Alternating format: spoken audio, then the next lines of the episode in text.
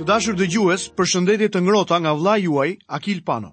Jam me të vërtetë mirënjohës Perëndisë, që sot së bashku do të fillojmë një cikël të ri studimesh mbi ungjillin sipas Markut. Ju kujtoj që në programin e fundit kemi përfunduar studimet tona mbi librin e Eksodit. Libri i Eksodit filloi me pamjen e errët të vendit ku bëheshin tullat në Egjipt dhe u mbyll me praninë e lavdishme të Zotit në tabernakull. ishte prania e Zotit që i udhëhoqi të gjithë izraelitët prej Egjiptit për në tokën e premtuar. Perëndia kërkon të të çlirojë edhe ty, miku im, nga errësira e skllavërisë së mëkatit dhe të të sjellë në lavdinë e pranisë së tij dhe në qendër të vullnetit të tij, ku mund të të drejtojë dhe të të udhëheqë. Sa libër i mrekullueshëm ishte libri i Eksodit, të cilin ne përfunduam studimin e tij në programin e kaluar. Përpara se të fillojmë studimin tonë varg pas vargu të ungjillit sipas Markut, le të ndalemi pak te koha e shkrimit të tij dhe te autori. Kronologjikisht, ungjilli i Markut është ungjilli i parë që është shkruar. Faktikisht nuk është libri i parë, por është një nga librat e parë që janë shkruar në Testamentin e Ri. Ndoshta është shkruar më parë se viti 63 pas Krishtit. Por çfarë na tregon historia për autorin e tij, Markun? Marku, edhe pse është njëri nga autorët e Testamentit të Ri, nuk ishte njëri prej apostujve. Autorët e dy ungjijve të tjerë, Mateu dhe Gjoni, ishin apostuj, ndërsa Luka ishte një mik i ngushtë i apostullit Pal. Emri i plot i autorit të ungjillit sipas Markut, librit që do të studiojmë për një muaj, është Gjon Mark. Gjon ishte emri i tij hebre, ndërsa Mark ishte emri i tij latin. Tek veprat kapitulli 12 dhe vargu i 12, gjejmë të dokumentuar këtë varg. Kur e kuptoi situatën, ai u nis për në shtëpinë e Marisë, nënës së Gjonit, të mbiquajtur Mark, ku shumë vëllezër ishin mbledhur dhe po luteshin. Kjo i referohet kohës kur Simon Pjetri kishte dalë nga burgu. Faktikisht kjo është dhe referenca e parë historike që kemi në shkrime për Markun. Me sa duket e ëma, ishte një besimtare e krishterë e përkushtuar dhe shumë e njohur në kishën e Jeruzalemit. Shumë nga takimet e kishës bëheshin në shtëpinë e saj. Marku ishte ai që shkoi me Palin në udhëtimin e parë të tij misionar. Ai ishte njëri nga nipërit e Barnabës. Pali na e tregon këtë tek letra drejtuar Kolosianëve kapitulli 4 dhe vargu i 10. Siç duket, ai ishte biri shpirtëror i Simon Pjetrit, sepse edhe Pjetri shkruan për të tek letra e parë e Pjetrit, kapitulli 5,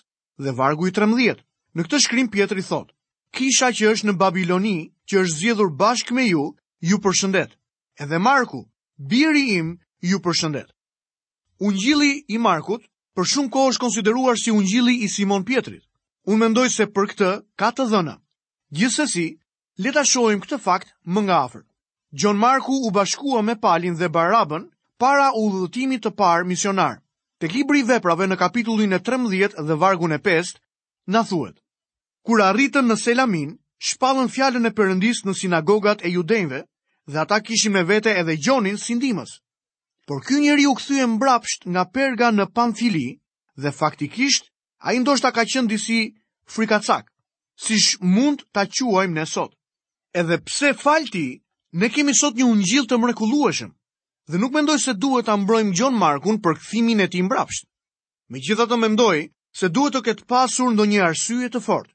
Gjithsesi, Nëse lexojmë më tej, do të shohim se Pali, apostull, nuk donte ta merrte me vete në udhëtimin e tij të dytë misionar. Por me sa duket, Baraba ishte zemërbutë dhe e mori me vete. Barnaba ishte një ndjekës i madh dhe ishte i gatshëm ta falte. Por apostulli Pal duket se jo. Tek Veprat kapitulli 15, nga vargjet 37 deri 38, lexojmë. Dhe Barnaba donte të merrte me vete Gjonin të quajtur Mark. Mua më duket sikur Pali mendon që ai ka dështuar, është frikacak dhe nuk e meriton që ta marrësh me vete. Në vargun e 39 të këtij kapitulli na thuhet: Atëherë lindi një grindje saqë ata u ndanë nga njëri-tjetri, pastaj Barnaba mbasi mori Markun, lundroi për në Qipro. Ne dimë shumë pak për shërbesën e Gjon Markut. Dimë vetëm se Gjon Marku bëri të mira. Kur apostulli Pal shkroi këngën e tij tek letra e dytë drejtuar Timoteut, kapitulli 4 dhe vargu i 11, ai tha: Vetëm Luka është me mua. Merre Markun dhe sille me vete, sepse e kam shumë të dobishëm për shërbesën time. Gjithmonë ka pasur dyshime nëse Marku është përmendur gjëkundi në Ungjill. Unë personalisht mendoj që kjo nuk ka qenë një bazë në këtë supozim. Historia na tregon se Marku i mori faktet e ungjillit të tij nga Pjetri, ndërkohë që disa të tjerë mendojnë se ai e mori shpjegimin e tij nga apostulli Pal. Por për kë u shkrua ungjilli sipas Markut? Dhe në fakt, Pse janë katër ungjij? Njëra nga arsyet është se ata u shkruan për njerëz të ndryshëm. Ungjilli sipas Mateut u shkrua për kombin e Izraelit, për njeriun fetar të kohës. Ungjilli sipas Markut u shkrua specifikisht për romakët dhe u përshtat për kohën romake. U shkrua për njeriun e fortë. Romakët sunduan botën për një mijëvjeçar të tërë. Ungjilli sipas Markut u shkrua pikërisht për ta. Romakët aktualisht kishin vënë nën kontroll botën, ata kishin sjellë paqe, drejtësi, rrugë të mira, ligj dhe rregull, mbrojtje, megjithatë, paqja e tyre ishte një paqe e vendosur me dhunë. Froni i hekurt i Romës qëndronte mbi njerëzit, që duhet të paguanin një çmim. Roma ishte një diktaturë e fortë. Doktor Gregory e ka përshkruar kështu Romën e asaj kohe. Romaku përpiqej që t'i jepte pushtetit njerëzor formën e ligjit të rregulluar nga principe politike, ndër të cilat spikasnin ligji dhe drejtësia. Në këtë mënyrë ata mund të perfeksiononin njerëzimin me anë të nënshtrimit të individit ndaj shtetit duke bërë kështu shtetin e tyre universal. Një personalitet tjetër në fushën e historisë, doktor Robert Kulver, në librin e tij për Danielin, thotë se romakët po përpiqeshin t'i jepnin botës atë lloj paqeje që bashkimi i kombeve dhe kombet e bashkuara sot po përpiqen t'i japin botës. Ajo lloj paqeje është provuar tashmë nga romakët dhe duhet të jetë një paqe që i është imponuar botës dhe është mbajtur në duart e një njeriu shumë të fortë. Bota po kërkon sot sërish për atë njeri të fortë. Roma përfaqësonte pushtetin njerëzor aktiv në botën antike dhe ajo të çon në regjimin diktatorial. Pushteti i vishej një njeriu të vetëm dhe pa dyshim që kjo ishte e rrezikshme. Ky është rreziku edhe sot. Ndërkohë që ne lëvizim në atë drejtim, do të më pëlqente që në lidhje me këtë të citoja sërish Një thënie nga doktor Gregory. Ai thotë, Romaku i shkëlqyer, njeriu ideal i racës njerëzore, ishte si pasojë punëtori i fuqishëm, pushtuesi, organizuesi dhe sundimtari. Njeriu i cili si Çezari mund të lëvizte skeptrin e perandorisë universale. Çezari dhe çezarizimi ishte rezultat i pashmangshëm i zhvillimit të romakëve. Romaku u krijua për të ndier më thellë atë drejtësi natyrale në duart e një tiranie njerëzore, e cila është një gjë e tmerrshme për njerëz mëkatarë.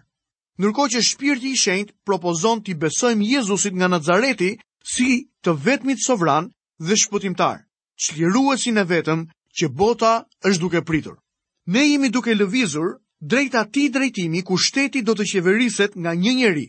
Ai njeri do të jetë satanik, djallëzor dhe do të sundojë mbi njerëzit mëkatarë. Në këtë mënyrë, ata do të thërrasin për shpëtim. E pra, është fjala për antikrishtin, birin e humbjes.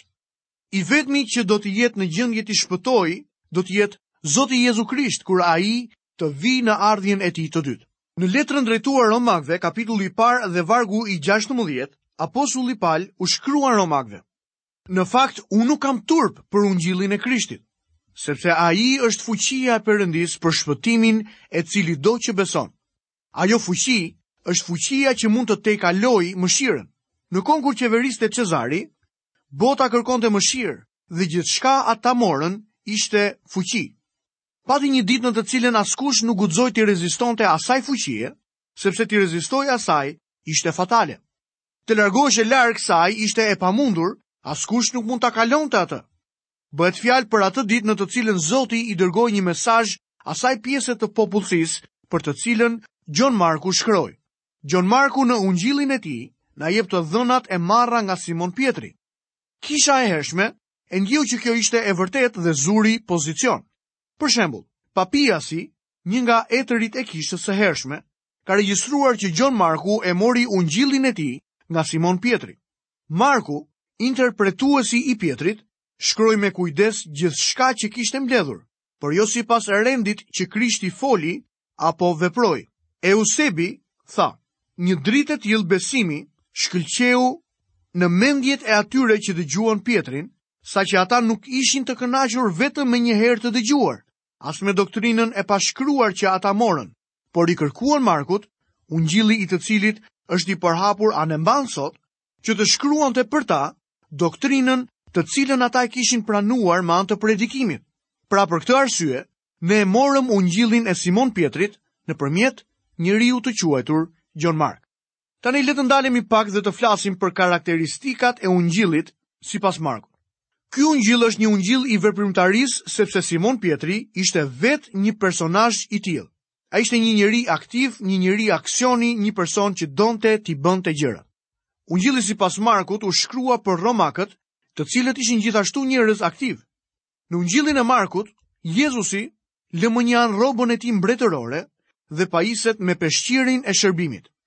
Ai është mbret në Ungjillin e Mateut dhe shërbëtor në Ungjillin e Markut. Jezusi nuk është shërbëtori i njeriut, por shërbëtori i Zotit. Marku e shpreh këtë duke shpallur fjalën e Zotit tonë. Ai thotë, sepse edhe biri i njeriut nuk erdhi që t'i shërbejnë, por për të shërbyer dhe për të dhënë jetën e tij si çmim për shpengimin e shumë vetave. Në Ungjillin e Markut, Zoti Jezus prezantohet si shërbëtori i Perëndisë. Kjo përmbush atë që thuhet tek libri i profetit Isaia, kapitulli 42, vargu i parë dhe i dytë. Le të shohim se çfarë kjo profeci thotë. Ja, shërbëtori im që unë përkrah, i zgjedhur im që më kënaq shpirtin. Kam vënë frymën time mbi të. Ai do t'u sjellë drejtësinë kombeve. Nuk do të bërtasë. Nuk do ta ngrerë zërin. Nuk do të bëjë që të dëgjohet zëri i tij në rrugë. Bernardi, shumë kohë më parë, në vitin 1864, tha për ungjillin e Markut. Ajo çfarë Pjetri i tha Kornelit u bë një moto e përshtatshme për këtë ungjill. Perëndia vajosi me frymën e shenjtë dhe me fuqi Jezusin nga Nazareti, i cili e përshkroi vendin duke bërë mirë dhe duke shëruar të gjithë ata që ishin të pushtuar nga djalli. Dikush shkroi: Lexova një libër ku një njeri i quajtur Krisht shkoi rreth e qark duke bërë mirë dhe është shumë turbulluese për mua që unë kënaqem kaq lehtë thjesht duke ardhur vërdall. Sot lexojmë shumë gjëra për protestat dhe marshimet. Dëgjojmë për mirëbërës, për politikanë dhe predikues. Të gjithë ata flasin për të bërë mirë, por në fakt nuk ndodh asgjë. Ata thjesht janë duke ardhur vërdall. Zoti Jezus erdhi me një pamje jo tërheqëse në njerëzore, në aspektin njerëzor të tij dhe me plotësinë e hyjnisë së tij, duke bërë mirë. Ky ishte vetëm fillimi i ungjillit sipas Markut. Jezusi Zoti ynë vdiq dhe u ringjall sërish. Pastaj u tha të vetëve, "Shkoni, Në këtë moment, ungjilli u përmbush. Ky është edhe ungjilli që ne predikojmë sot. Stili i Markut është i shkurtër dhe i hapur, me vend dhe i saktë, i prerë dhe i ëmbël. Marku shmang fjalët e tepërta dhe hyn drejt e në temë.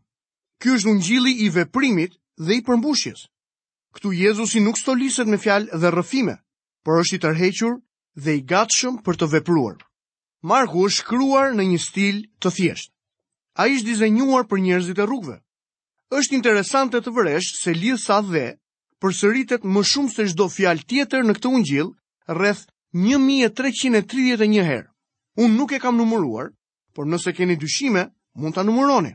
Shumë sinqerisht ju them se nëse do të kisha pasur ndonjë leksion gjuhe në kolegj me aq shumë dhe, pa dyshim që do të kisha ngelur. Ajo është një fjalë e fuqishme kur përdoret në mënyrën e duhur. Është një fjalë veprimi dhe tregon që ndiqet nga diçka tjetër. Kam dëgjuar shumë folës, veçanërisht predikues të rinj, që kur duan të thonë diçka, përdorin fjalën dhe. Në momentin që thonë këtë, gjithkush e di se kanë edhe diçka tjetër për të thënë. Asnjë fjali nuk mund të mbarojë me dhe. Ajo pasohet gjithmonë nga veprime të mëtejshme. Besoj se Marku e shkroi këtë ungjill në Romë dhe me sa duket për romakët, sepse ata ishin një popull i gjallë dhe besonin në fuqinë dhe veprimtarinë. Ata donin t'i përgjigjeshin kësaj pyetje. A është Jezusi i aftë për të kryer misionin?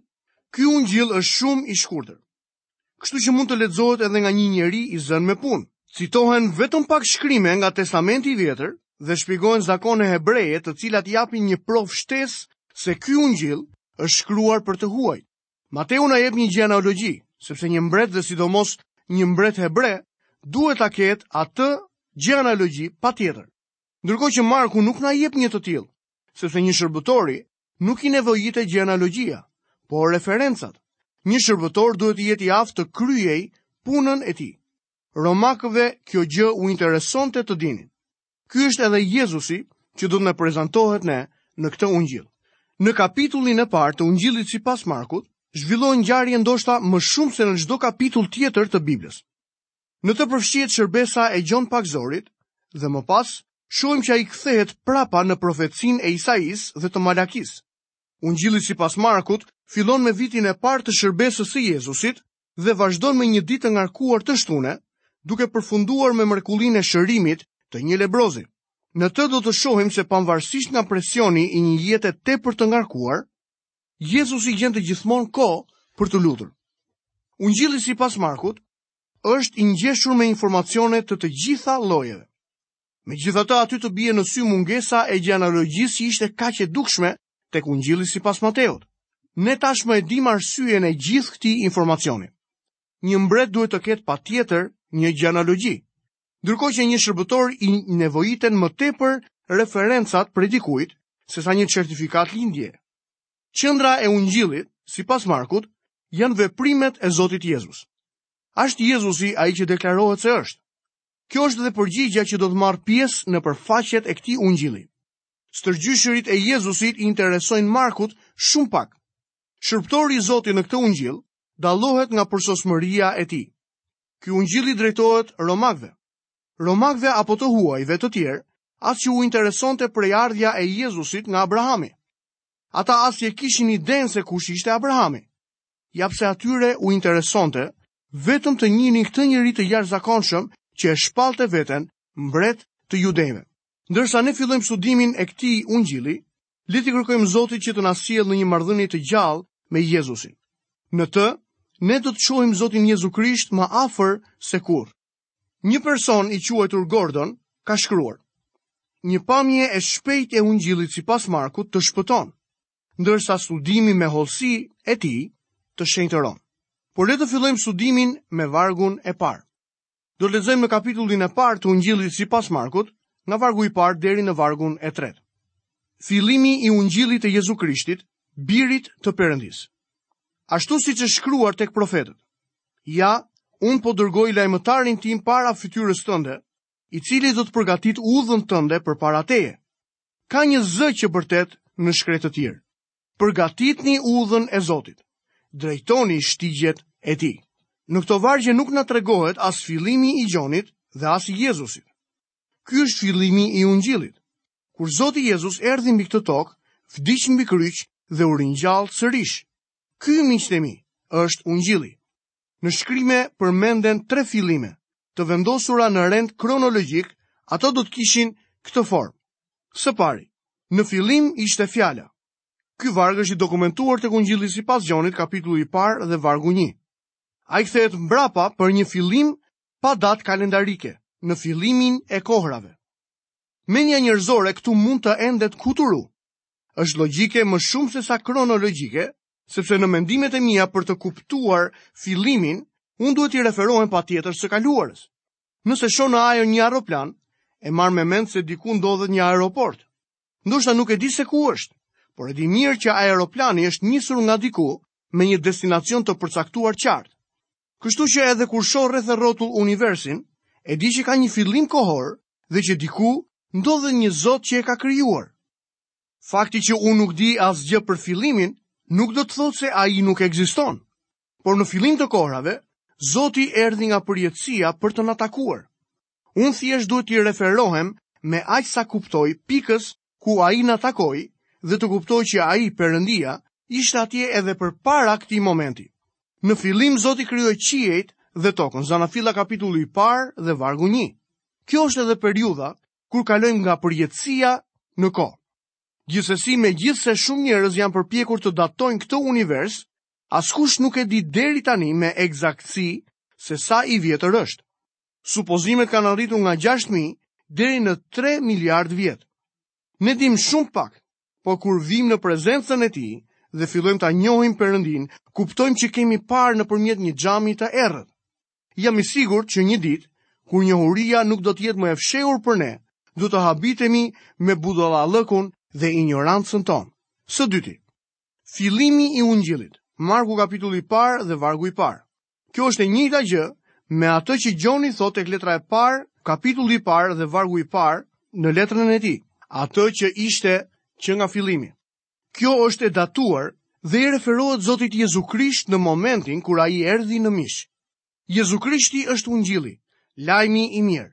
Në këtë ungjill shohim që Marku, që ka shumë pak citime nga testamenti i vjetër, citon dy profeci, një nga profeti Isaia dhe tjetra nga Malakia. Romakët dinin shumë pak për profecitë, por Marku e bën këtë për të treguar që personi për të cilin po fliste nuk ka nevojë për një gjenealogji, por vetëm për referenca. Kështu Marku tregon se referencat e tij merren nga profeti Isaia dhe Malakia. Të dy siç Gjoni, ashtu dhe Marku, shpallin se ardhja e Gjon Pagëzorit përmbush profecinë se ai do të ishte pararendësi i Krishtit. Të dashur dëgjues, këtu kemi mbërritur dhe në fundin e programit të sotëm. Jam mirënjohës Perëndisë që kemi qëndruar së bashku përgjatë këtij studimi në hyrje të ungjillit të mrekullueshëm të Markut. Lutem që Perëndia t'ju bekojë dhe të derdhë gjithë bekimet e tij hyjnore në jetën tuaj.